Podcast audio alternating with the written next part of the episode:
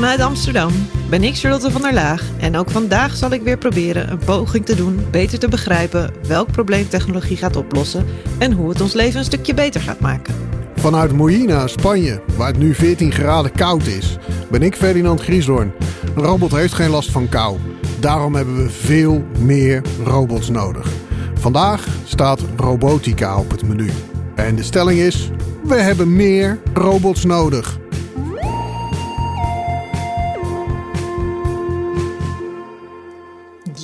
Is dat zo? Vind ik van wel. en laten we maar beginnen met. met, met de, ik heb zo'n enorme vraag aan jou uh, over robots. Um, ik heb de afgelopen periode heel veel uh, bekeken ook over robots. En ze zijn het echt steeds meer aan het toepassen. Je kan ze, inmiddels kan je bepaalde dingen al bestellen. Um, allerlei vormen. Maar wat gaat het nou met mensen doen? Op het moment dat er steeds meer robots in het, in het, nou, in het dagelijkse terechtkomen. Hm. Ja, goede vraag. Uh, wat gaat het met ons doen?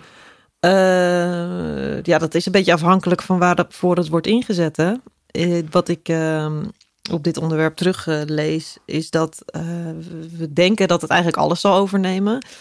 Dus dat we denken van nou, we kunnen een robot inzetten in de zorg of iets dergelijks. En dan kan het een mens compleet vervangen. Maar eigenlijk is dat helemaal niet het, uh, het punt. Het is een ondersteunende rol die het daarin vooral uh, zou moeten gaan vervullen.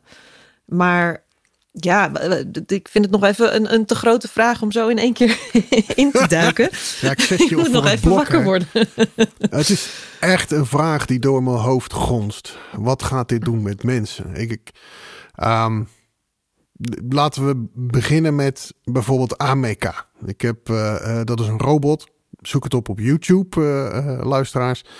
Um, daar doen ze echt heel hun best om die robot over te laten komen als een mens. Dat gezicht, het fronst, het kijkt blij, het kijkt verrast. Uh, het is bifocaal, dus ze gebruiken ook twee camera's in de ogen, wat wij dan ogen zouden noemen. Um, en reageert ook op mensen. Uiteraard hebben ze daar ook een stukje AI, machine learning op de achtergrond tegenaan geplakt. Wat nog zorgwekkender is. Um, maar die lijkt met al die robots lijkt het een soort drang te zijn om het herkenbaar te maken.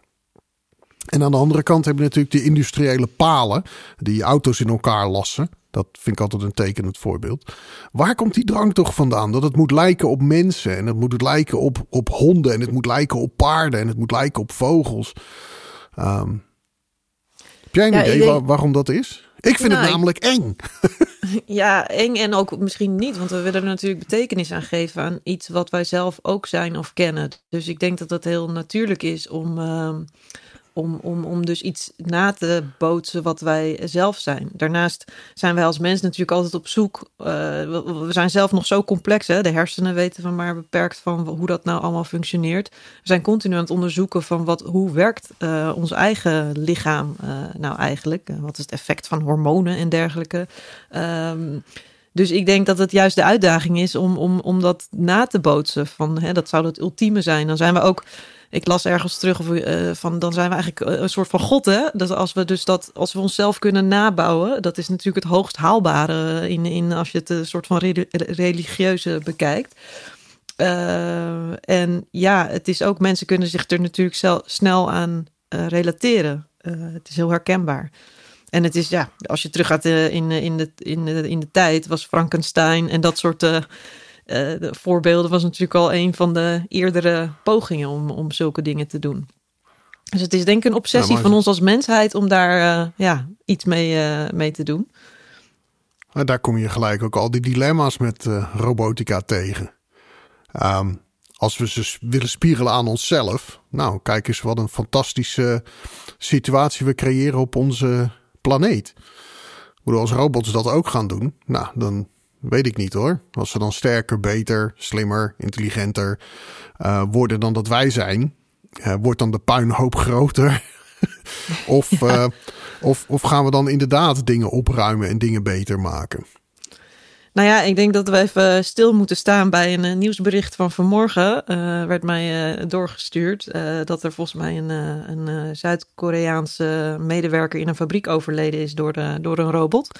Wat? Die, ja, hij, hij, het, het stond op de NOS vanmorgen dat hij is doodgedrukt door een, door een apparaat of iets dergelijks. hij had een pakketje en dat, de, de robot herkende hem niet. Dus uh, ja, nou, dat is wat we dus niet willen bereiken, denk ik. Uh, ik begreep dat het om een ouder type ging, in de zin, die was nog niet uh, geüpdate met allerlei AI-achtige mogelijkheden. Maar ja, dat is natuurlijk wel een ja, soort van, van vervelend beeld, hè? of een situatie waar je dan in belandt. Ja, dat, dat is een dat, beetje hetzelfde als met de, de Tesla-auto die onder een vrachtwagen door ging rijden in de Verenigde Staten. Het is eigenlijk een, een. Sorry? Nee, ja, dat lijkt me niet heel handig. Ja. Nee, het is een beetje een onbedoeld risico.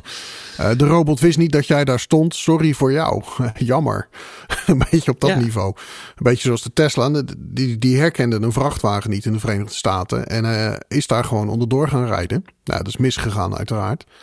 Um, de bestuurder, nou ja, eigenlijk niet de bestuurder, de passagier in dit geval, die is daarbij overleden. Um, is hetzelfde als met die, met die robot, zoals je dat beschrijft. Uh, ja. De update uh, is gefaald, of hebben ze nog niet gedaan, met risico's. dan zit je aan de kant van de industriële automatisering. Wat me ook opviel in de afgelopen periode, is dat er zo'n enorm breed scala aan robotica is. Je hebt die industriële machines, maar je hebt ook wat ze tegenwoordig wordt noemen soft robotics. En dat zijn een soort rare, zachte, pijplijnachtige dingen. Um, waar men dan ook van alles mee kan. Je kan er door leidingen heen, je kan er door gebouwen mee heen bewegen. Um, en, en ze zijn een soort ja, plooibare buis, lijkt het. Ja. Um, dus uh, als je daarnaar kijkt en dat soort toepassingen, dat kan ik allemaal ja, wel goed vinden. Kan, kan ik iets mee? Die gaan dan kijken of er iemand gered moet worden als er een gebouw is ingestort. Um, ze kunnen zelfs buizen afsluiten als er een industrieel ongeluk is. Als je dan kijkt naar nou de road dogs, ik noem het maar even road dogs, want je, je hebt heel veel varianten van honden die ze nabouwen. Um, daar kunnen ze dat soort dingen ook mee. Dat vind ik allemaal nog te volgen. Um, maar op het moment dat het echt die menselijke vorm krijgt. En als ze dat ook gaan combineren met nou ja, andere technologie die qua innovatie nog helemaal niet duidelijk is. En ze ook niet helemaal precies weten hoe ze nou de risico's uh, moeten tegengaan. Dan vind ik het. Ja, ik vind het. Nou, ik zei al eerder eng. Ik word niet snel bang, maar ik, ik vind het wel eng worden. Op die manier dat je niet weet wat, wat de uitkomsten daarvan zijn. Ja, de, ja, maar het is misschien ook eng omdat je niet inderdaad het nog niet kan uh, plaatsen. Dat je niet goed weet wat het, wat het gaat uh, betekenen voor ons. Dus dat we daarin, ja, dan, dan is het natuurlijk de eerste reactie is een beetje angst. Um, want we weten het niet. Nou, ik, ik, weet niet of het ook echt angst is. Um, in ieder geval bij mij niet. Ik ben niet snel bang van een robot. Maar het zit meer in de, ja, misschien de Duitse variant van het woord eng. Um, die krijgt er een beetje onheimlich gevoel van als, als dat iets zegt. Ja, hey, Ik zou het heel raar vinden als ik op straat uh, iets tegenkomt wat bijna menselijk overkomt. He, net zoals die uh, Amerika. Um, dat vind ik vreemd. En met name omdat ik dan ook weet dat wat erachter zit, ja, weet je, het is gewoon een, hele berg bouten, constructies, hydrauliek, olie, uh, chips, processors, accu's. er zit ook uh, geen echte menselijke intelligentie achter. En ik weet ook niet of we dat ooit kunnen bereiken op, uh, op die manier. Um, en dat sluit een beetje aan op onze vorige podcast. Maar die intelligentie die ze erin bouwen, ja, dat is nooit echt menselijk. Het is altijd gebaseerd op binaire code, uh, een algoritme of iets anders. Uh, misschien zelfs hele grote gegevensverzamelingen. Um, en sommige robots dan weer niet. Die industriële hebben hele eenvoudige uh, instructies, maar die kom je niet lopend op straat tegen. En ja, ik snap maar... dan ook niet wat het doel daarvan is.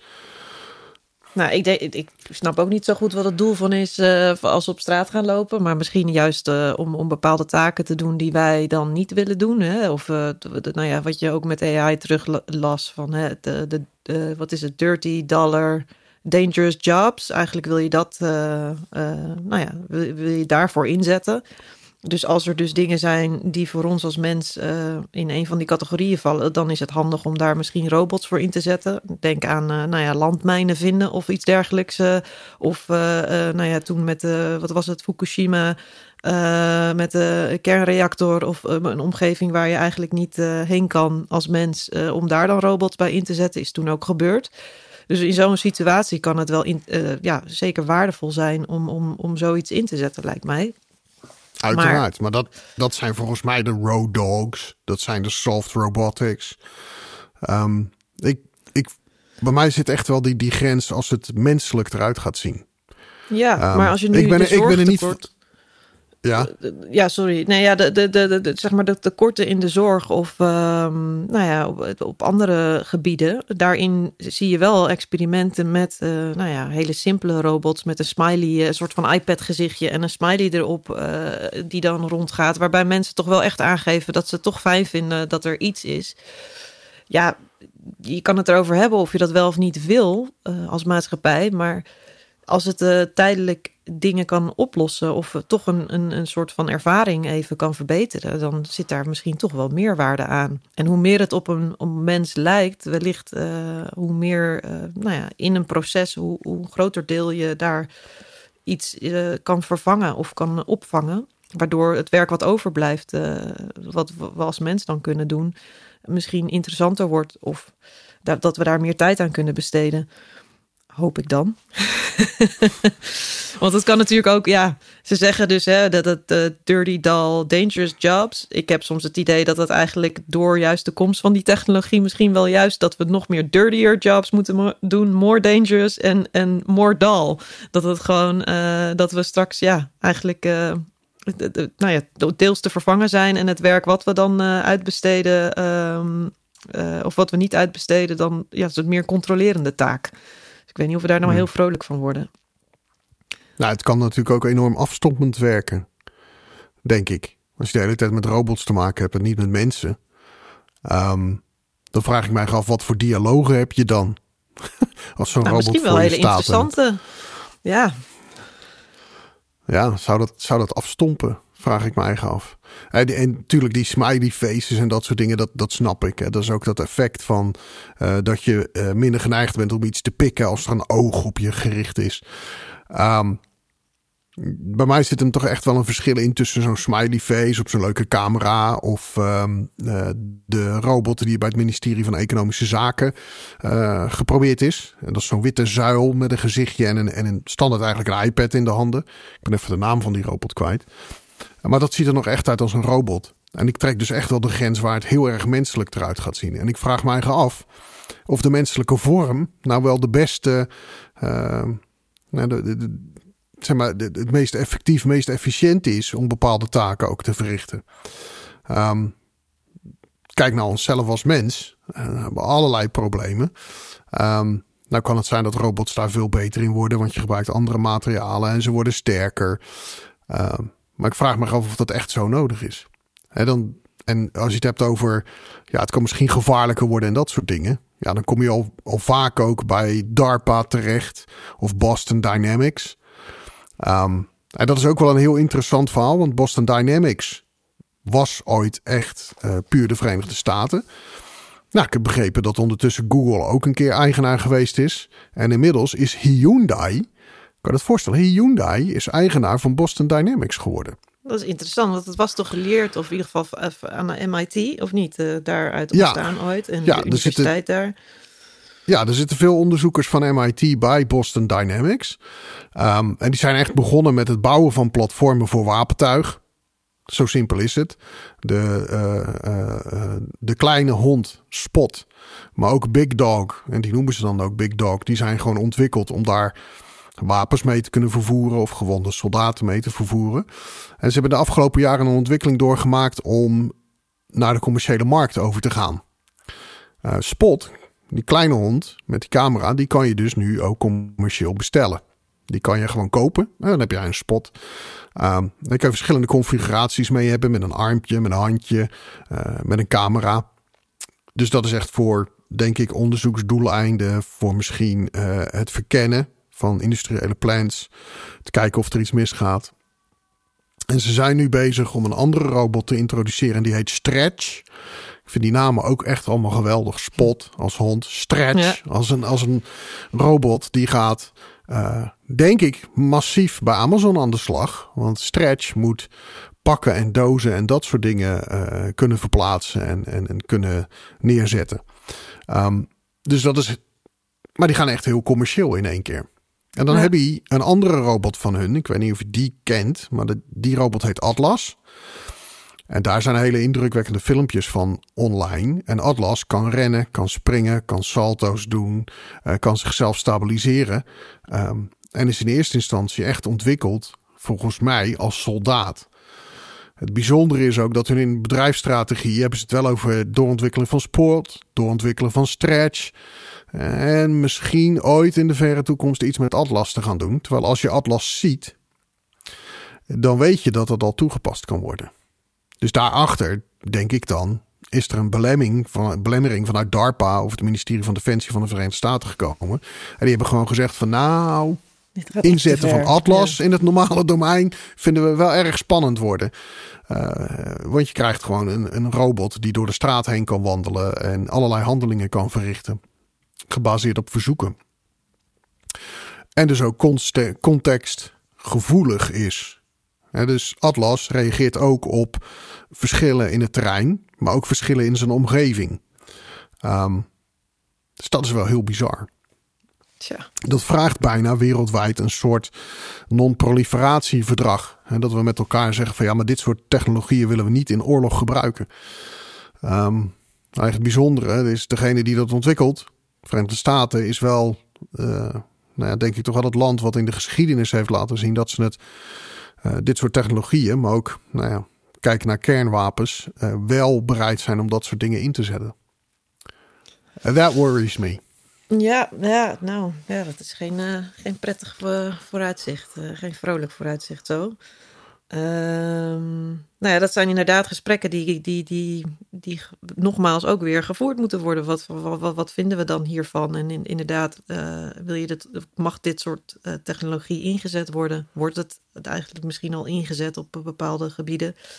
Uh, ja, nou. zou, zou jij zo'n robot in je huis willen hebben? die koffie voor je haalt? nou ja, ja ja, voor sommige dingen is het denk ik wel handig. Maar je ziet ook weer de dingen dat het dus niet werkt. Hè? Ik bedoel, de, de grappige video's van de, uh, die robot uh, stofzuiger.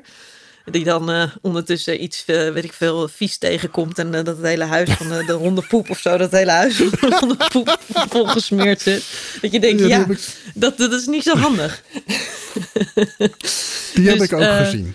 Ja, dan, uh, dan denk je van nou, hè, dat is precies zo'n toepassing waarvan je zegt van oh ja, uh, um, het doet nog niet helemaal wat we willen. En het, kan al in een gezette situatie, hè, als, de, als de, de, de, context, als we daar goed over nagedacht hebben, kan het het perfecte taakje doen. Maar dat kan ook af en toe echt compleet misgaan. En uh, ook die zelfrijdende grasmaaiers of iets dergelijks.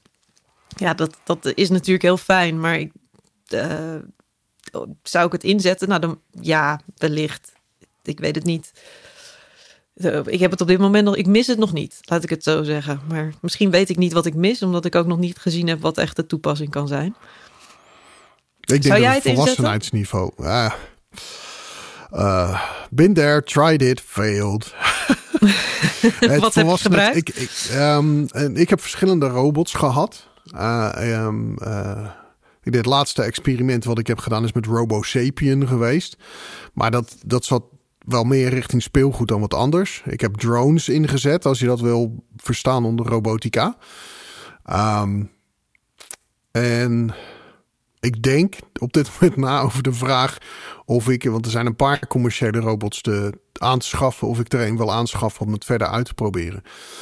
Het probleem is dat het altijd tegenvalt. Als je die dingen in het echt in je handen hebt, of je bent ze echt aan het testen, ook op een beurs, dan kom je erachter dat er meer beperkingen zijn dan dat het dingen oplost. En dat er veel meer problemen mee gemoeid zijn. Dus eigenlijk meer werk dan dat je graag zou willen.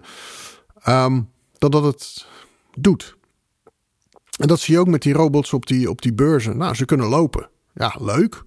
En toen? nou, dan hebben ze een, een, een platform ontwikkeld, kan het lopen met gewicht. Maar dan is het gewicht maximaal 5 kilo. En ondertussen moet je die robot wel 24 uur opladen. Uh, dat ding weegt zelf iets van 60 kilo. En dat kan dan 5 minuten met 10 kilo lopen. Ja, dat is praktisch, uh, heeft het helemaal geen nut. Um, dus daar zitten nog allerlei beperkingen in. En ik denk dat het echt wel het bijeenkomen van verschillende technologieën is. Het meest interessante die ik nu heb gezien lijkt op een Aziatische big dog. Dat is een wat grotere hond. En die kan dan een half uur lang kan die 80 kilo dragen. Nou, dat begint indrukwekkend te worden. Alleen wat ze er niet bij vertellen is hoe groot zijn batterijen zijn en hoe lang die moeten opladen of wat dat specifiek gekost heeft. Um, en die afweging, die is voor mij ook relevant. Als je dan iets kan oplossen, eh, wat kost dat dan specifiek? Want je hebt ook zoveel andere mogelijkheden. En dan kom je ook een beetje in de culturele kant. Hier in Spanje heb je het effect dat de lonen lager zijn. Maar heel veel mensen hebben hier werk. Uh, want in een supermarkt hebben ze dus veel meer personeel rondlopen dan dat we in Nederland doen. Zelfscankassa's, daar denken ze hier niet over na. Want waarvoor zou je dat doen? Menskracht is goedkoper. En die mensen hebben allemaal werk, hebben allemaal een doel, uh, hebben dingen te doen. Um, en als je te veel robots zou hebben en je zou niks meer te doen hebben, ja, wat, wat gaan we dan doen als mensheid? Nou ja, dat is volgens mij ook zo'n uh, boek, hè? het basisinkomen. Dat er dan eigenlijk. Uh, uh, hè, nou ja, dat inderdaad het werken op een andere manier ingericht kan worden, waardoor we dus tijd overhouden voor andere dingen. Nou, ik, wil daar straks nog wel even een punt over maken. Maar eerst even terug naar de selfscankassa. Dat is een van mijn grote irritaties. ik vind namelijk dat ik als klant ervoor betaald moet worden dat ik dat doe. Of dat ik korting krijg op mijn producten in de supermarkt. Dat ik zelf mijn boodschappen aan het, uh, aan het uh, scannen ben. Ik snap niet waarom, uh, waarom ik zeg maar door die hassle moet als, als klant om dat te doen. En eigenlijk helemaal geen service meer krijg. En dat ik, dat ik daar dan blij mee moet zijn. Um, en daarnaast dus dat we eigenlijk onderschatten hè, vaak het, wat, wat de waarde is van dat dagelijks contact met een mens. Gewoon even bij de kassa een praatje maken. Nou ja, in de buurt supermarkt hier, de, de wat oudere mensen die toch even de, naar de winkel gaan en met de cashier blijven uh, praten. Ja, dat, dat, dat is niet uit te drukken in waarde, uh, in cijfers, getallen. Maar wat dat met mensen doet, dat, ja, dat is gewoon uh, hartstikke belangrijk. En wij denken altijd met die technologie van, oh, we maken het efficiënter. We zitten en, en het moet allemaal hè, sneller. Maar juist die, dingen die misschien op het eerste gezicht waardeloos lijken, uh, zijn misschien juist wel de, de, essentiële dingen die ons als maatschappij en als, als cultuur met elkaar verbinden. En ik denk dat we daar de komende jaren steeds meer achter gaan komen. Dat we uh, onderschatten wat eigenlijk die, ja, die, die die onzichtbare waarde van de maatschappij is. Uh, omdat we dus die technologie gaan implementeren. En dan uh, daarmee, uh, ik zie jou, daarmee, um, ja. ik krijg wat te drinken. weet wat we missen. Ah, vandaar. ik, ik heb hier beeld op het scherm. Heerlijke, ik zie heerlijke jus d'orange krijg ik binnen. Um, nou, dat is fijn. Um, bij, de, dus, bij die zelfs, ja de, de, de, maatschappelijke impact ervan. Wat het doet met onze normen en waarden en hoe we veranderen. Uh, ik denk dan die zelfscankassa. Dat wordt dadelijk een, een soort van robot. En misschien wordt het, wordt het wagentje waarmee je loopt wel de, uh, nou, de zelfscankassa. Ik. ik zie het echt als tussenstap. Eigenlijk gewoon ook weer zo'n tussenontwerp... wat, uh, wat een tijdelijke oplossing is voor inderdaad het ja, wat je wil uh, voor die hele experience van uh, naar de winkel gaan, is dat je uiteindelijk helemaal dat betaalproces op een andere manier inricht. Dus ja, wat je wel eens gezien hebt, volgens mij, dat je dan eigenlijk als zodra je het product uit de schappen haalt, dat je daarmee en het in je mandje legt, dat je daarmee al, uh, nou, dat het al weet van, oh, je hebt deze producten gekozen. Dus zonder dat je zelf de handeling hoeft te doen om het te scannen. Dus dat er overal een soort van eh, chip of iets dergelijks in zit. Dus dat je de hele. En dat je gewoon naar buiten loopt. En dat dat eigenlijk al vanaf je telefoon of ander device afgeschreven wordt. eigenlijk wil je daar natuurlijk naartoe. En ik zie die, die zelfscankassa als een soort van tussenstap van ja, nou ja, het, is, het levert ons geld op als, als uh, supermarkt. Want hè, we hebben minder arbeidskosten. Maar aan de andere kant, um, ja, het werkt niet optimaal. Je ziet dat de rij af en toe langer is. Ik, ben, ik, vind het, uh, ik zie regelmatig gefrustreerde gezichten van mensen die dan weer uh, die items uit hun tasje moeten halen. Omdat er toch nog iemand staat die dat dan moet scannen. Uh, om dan te controleren. En dat er ook meer winkeldiefstal is door de hele zelfscan. Ik denk dat de helft van de mensen denken: Nou, uh, ik, uh, ik vind dit zo vervelend. Of nou, ik ga het niet allemaal checken. Dus ik denk van ja, hè, we hebben dan weer een oplossing geïmplementeerd. Maar eigenlijk komen we erachter van: Nou, werkt het nou echt optimaal? Ik weet het niet. Okay. En ik, ja, ik, ik denk dus die, die echt die, uh, die sociale contacten, dat dat een, uh, uh, een, nou, een hele vol, waardevol element is. En ik hoop dat we toch gaan nadenken hoe we dat in een andere vorm weer terug kunnen brengen. Oké, okay, maar die, die zit duidelijk bij jou in je low tolerance frustration. um, ik denk um, graag mee over hoe het anders kan, maar... nou ja, ik, ik denk hoe het, nog, hoe het nog erger kan. Ik denk dat je straks de supermarkt binnenkomt en dan dan heb je een robot en die hangt aan het wagentje of die loopt met je mee of wat dan ook. En die kijkt gewoon naar jouw gezicht en die zegt van... hey, Charlotte, vandaag ben je niet zo blij hè? Ik zou de extra cafeïne van Douwe Egberts nemen. Of, hey Charlotte, vandaag ben je heel erg blij. Maar we hebben wel gezien dat je een kilo zwaarder bent geworden. Dus vandaag hebben we de magere vleesvervangende producten voor je in de aanbieding. Um, zitten we daarop te wachten. De robot body. Ja, of gaan we nog ja. naar de supermarkten? Dat vraag ik me dan af. Of komen die producten gewoon vanzelf naar ons toe met een robot? Ja, oh, dat zou ook nog kunnen. En dan, en dan staat die robot in, jou, in jouw huis jou de les te lezen over hoe jij wel of niet iets mag of kan of doet. Ja, en, ja. en ben je dan als mens weer terug bij, in, in, de periode waar je eigenlijk tot slaaf bent gemaakt. Alleen in dit geval door een robot, door een systeem. Wat je waarschijnlijk zelf in je huis hebt uitgenodigd. Tja, goede vraag. Uh, geen idee. Van mijn frikandel speciaal blijft die mooi af. Ja, dat mag niet. Ja, uh, ja goed idee. Wat, wat, waar had je het nou over voor die, uh, voor die zelfscankassa? Want je noemde nog iets daarvoor en uh, ben ik even kwijt. Ah, de, de, ik denk dat ik het had over de culturele impact. Hè, op de maatschappelijke normen en waarden. Van wat verandert er uh, op dat gebied. Um, ik denk dat mensen uh, min of meer gedeformeerd worden door, door robots. Want je kan dingen doen die je bij mensen niet zou doen. Dat is één. Um, en natuurlijk gaat alles wat in het ontwerp zit, gaan de mensen ook uitproberen. Uh, inclusief met filterstiften erop schrijven, er tegen schoppen, er tegenaan spugen, uitschelden, uh, weet ik veel wat. Dus het verandert wat in normen en waarden. En de vraag is of dat dan in de breedte gebeurt. Want je individualiseert op de een of andere manier meer als je meer robots om je heen hebt. Want dat zijn allemaal geen mensen, dus die hebben geen gevoelens. Dus ja, daar, kan je vervelend tegen zijn. En qua normen en waarden kan je daar anders in worden. En als je dan een keer mens tegenkomt, hoe zou dat dan werken? Ja, als ik de hele dag robots om me heen heb en één keer per week of één keer per maand kom ik misschien een ander mens tegen. Dat is natuurlijk raar.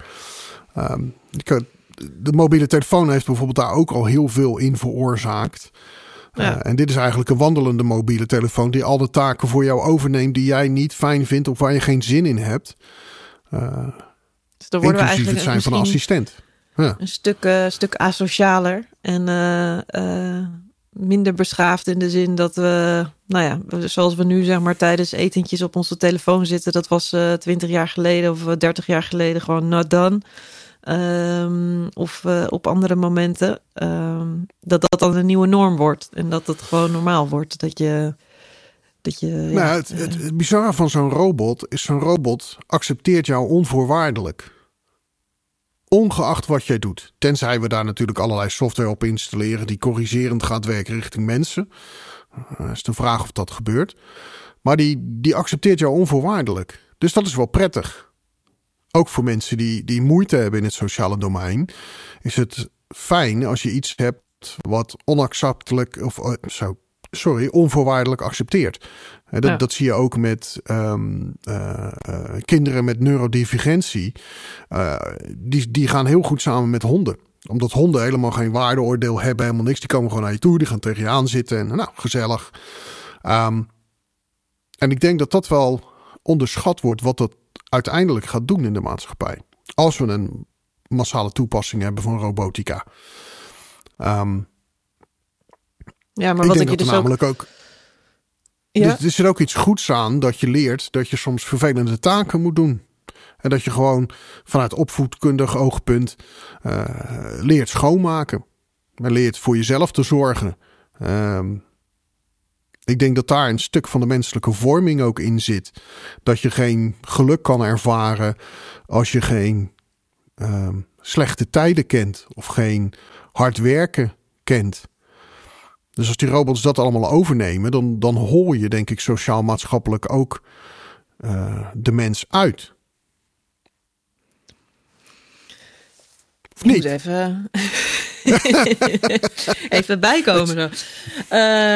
Nee, ja, in een zekere zin wel. Wat ik wel, als ik je zo goed beluister, hè, we zijn nog niet op dat punt. Ik bedoel, de, dus in de, de, de killer app, zeg maar, voor echt een, een, een robot die we gewoon echt zo kunnen inzetten dat het, dat het ons uh, enorm helpt. Die hebben we nog niet gevonden. Dus um, we hebben nog tijd om hierover na te denken. Dat is uh, één. Maar twee, ik weet dus ook, volgens mij hebben we de robots ook nodig om dan te zien van wat het kan betekenen. En dus ook dat dan dat gesprek met elkaar te gaan voeren. Van inderdaad, gaat het ons uithollen? Gaan wij minder sociaal worden doordat we dus met uh, robots gaan interacteren? Uh, willen we dat het uh, door robots gedaan wordt? Want wat, wat gebeurt er straks als een robot gewoon beter is in operaties of iets dergelijks? Of beter is in, um, in bepaalde banen? Uh, gaan we dat dan toestaan? Uh, willen we dat dan? Ik, ik, ja, geen idee. Zou jij uh, je willen laten opereren compleet door een robot? En geen mens komt er meer aan te pas? Gewoon helemaal niet. En je moet een hele. Ja, je ligt er wel nog wakker bij, zeg maar. Ja, als ik weet dat die robot een betere. een betere. Hoe noem je dat? Operatie doet. Ja. Um, maar ik ben natuurlijk een, vreemde vogel daarin. Ik, ik ben best wel technologie minnend. En ik denk ook altijd aan utopische dingen. Alhoewel ik ook wel eens van de grens af kan springen naar beneden. Um, ja, ik zou dat wel doen. Als procentueel blijkt dat een robot dat beter doet dan een mens, ja, dan zou ik dat wel doen. Um, neem niet weg dat ik er wel van overtuigd ben dat uh, als je kijkt naar uh, waar het woord robot vandaan komt, echt wel uh, labor uit het Tsjechisch, dus werken. Ehm, dat als je dat wegneemt van mensen, ehm, dat dat niet per definitie een, een, een verbetering oplevert bij mensen. kijk naar de hele industriële revolutie en het gebruik van computers. Ik heb niet het idee dat het massaal gebruiken van computers uh, goed is voor mensen. En dat dat uh, maatschappelijk gezien een hele goede ontwikkeling is geweest in het sociaal-maatschappelijke domein. Zeker als je kijkt naar de zogenaamde hoger ontwikkelde landen, waar mensen steeds meer met een hoofd in een beeldscherm zitten. En steeds meer de roep ontstaat om juist sociaal met elkaar bezig te zijn en uh, meer te verbinden op elkaar. En ik vraag mij af of die ontwikkeling van robotica dat niet nog een extra duw geeft. En wat gebeurt er dan? Um, krijg je dan groepen die het, die technologie gaan vermijden? dat is ook zo'n extreem beeld van de toekomst dat je een soort, nou ja, culturele soort van de Amish, hè? krijgt waar je ja, waar, waarbij je dus zegt van... Geen technologische innovatie, toch? Ja. ja. wij nou, die willen stilstaan. Ja, of een bepaalde... Ja. ja. Um, dus dat is, dat is heel bijzonder. Uh, en ik vind dat ook een hele lastige dus daar, die balans, die discussie. Als je kijkt naar die ontwikkelaars van robotica, die zijn helemaal niet bezig met die discussie. Die willen gewoon de volgende betere robot bouwen. Um, nou, dat zie je dan ook in die congressen. Natuurlijk stellen ze wel wat ethische vragen, maar dat is langs de zijlijn. Men stopt niet met het doorontwikkelen hiervan. Um, dus dat, dat vind ik wel bijzonder. Ja, ik vind die beelden ook. Uh, de, de, volgens mij had het er vorige keer over, inderdaad. Uh, van uh, wat er in Japan dus alle, allemaal gebeurt. Van zo'n conferentie. En als je dan de beelden kijkt van wat er al mogelijk is. Ehm, dan, ja, dan sta je wel. Ik vind het wel wel spannend. Gewoon dat die professor die zichzelf dan na laat bouwen eigenlijk als robot. En gewoon ook qua gezicht er al nou, hetzelfde uitziet. Ik bedoel, de bewegingen zie je nog steeds wel dat het een, robot is. Maar inderdaad, als je dat straks uh, aan, de, aan de service desk ergens hebt zitten of bij de receptie, ja, dat is toch wel nou ja. That would spook the living hell out of me, zou, zou ik zeggen. Ja, maar het is ook die Turing-test in de zin, hè? Want wij, wij uh, we kijken er ook heel snel weer. Uh, uh, we normaliseren het weer heel snel. Dus we, dan, dan toch zijn we geneigd dat weer menselijk te maken. Dus dat antropomorfisme. dus ook op een of andere manier krijgt het een plek in ons, ja, in, in ons zijn en, en, en, en hoe we ermee omgaan. Dus ik denk dat het wel heel snel als menselijk zullen accepteren als je dat continu tegen blijft komen. Maar ehm, ja, ik, wat het dan precies gaat doen, geen idee. Nou, we worden in ieder geval weer gevormd door onze omgeving. Ehm, en in dit geval dan door de opkomende robots, die dadelijk hier en daar te vinden zijn, die allerlei klusjes voor ons doen. Um, ik denk dat we bij onze, uh, het moment komen van het nieuwsbericht. Ja. Uh, we staan 1-1. Ik heb de eerste gewonnen, jij hebt de tweede gewonnen. Met een nieuwsbericht of nieuwsfeitje. Um, in dit geval dan over robotica. Um, ik heb een, een, nieuwsbericht gevonden over uh, computer scientists program robotic seeing eye dog to guide the visually impaired. Oftewel, ze hebben zo'n rood genomen, een robothond. Um, en daar zijn ze met uh, visuele technieken zo ver mee. Um, en dan uiteindelijk ook technieken waardoor je met een soort ja, leiband, hè, halsband, zoals ze dat ook gebruiken voor uh, begeleidende honden, uh, die robot kan gebruiken. En dat hebben ze gedaan om, te, om de volgende reden eigenlijk. als je gewone honden gebruikt, uh, eh, 50% die in de training zitten, die kunnen uiteindelijk aan de slag gaan met visually impaired people, met mensen met een visuele beperking. En um, ehm, 2% van die mensen krijgen ook uiteindelijk toegang tot zo'n hond. En dat heeft ook met financiën te maken en dergelijke. En ze willen eigenlijk zo'n hond doorontwikkelen. Zodat uh, nou ja, mensen met een visuele beperking straks gewoon een robothond kunnen gebruiken om, uh, om rond te lopen. Dus dat vond ik een gaaf nieuwsbericht. Is uh, van de afgelopen week, 30 oktober, is dat uitgekomen. En het ziet er ook heel indrukwekkend uit hoe dat functioneert. Tja. Jouw beurt. Ja, Wat is jouw beurt. nieuwsbericht? Nou, mijn nieuwsbericht. Uh, het, is, nou, het was eigenlijk een video die ik tegenkwam. En wel inmiddels al wat ouder. Volgens mij 2015 of 18. Uh, maar dat was de This is the Jenken, heette het. Uh, een, robot. Dat is eigenlijk, hij is 100% uh, accurate of wing game at rock, paper en scissor. Dus, tegen de mens. Dus dat vond ik een mooi filmpje.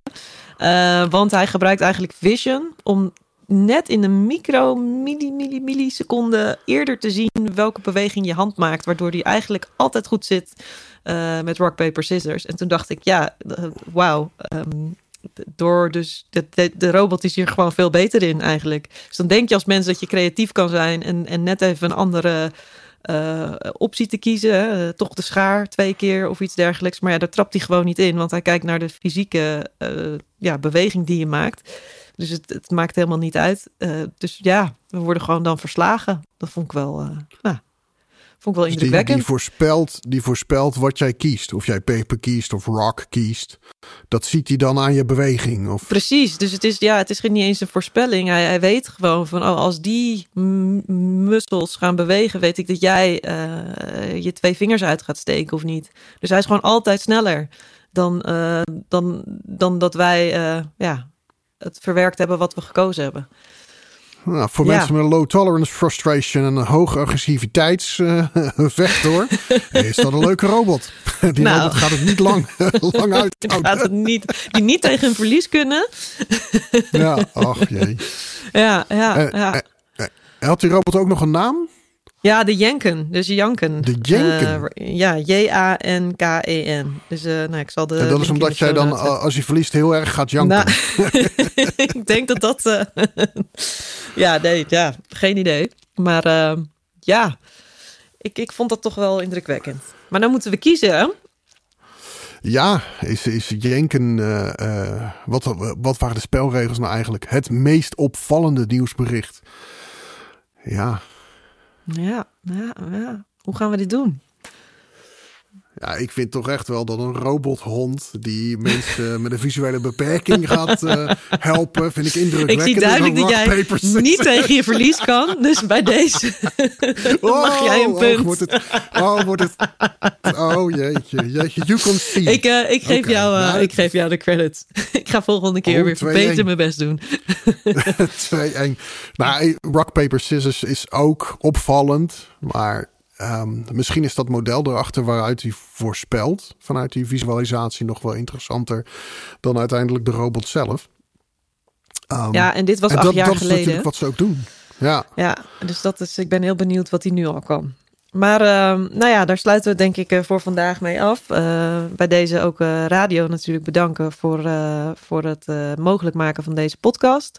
En waar gaan we het de volgende keer over hebben? Volgens mij had jij een voorstel gedaan. Ik had gezegd biotechnologie, maar dat gaat nog even duren. Die komt daarna. Uh, maar volgens mij gaan we het de volgende keer hebben over climate technologies en of geoengineering. En vanuit Moïna, Spanje, waar het nog steeds koud is. En ik graag een warme bak koffie wil hebben van een robot die met de snelheid van het licht een trap kan lopen om die voor me te halen, ben ik Ferdinand Griesdoorn. Vandaag heb ik geleerd dat we als mens verliezen met rock, paper, scissors van een robot. Ja, en vanuit Amsterdam, waar inmiddels de zon gestopt is met schijnen, eh, ben ik Charlotte van der Laag. En vandaag heb ik geleerd ja, dat het toch wel een beetje spannend wordt met robots. Van wat ze nou eh, straks gaan eh, doen in onze maatschappij. En vooral die hele menselijk-achtig lijkende robots. Dank voor het luisteren. En we, jullie, kunnen ons volgen op LinkedIn en eh, de Rijksinnovatie Community. En wij zullen in de show notes alle relevante links zetten. Dank. Tot de volgende keer.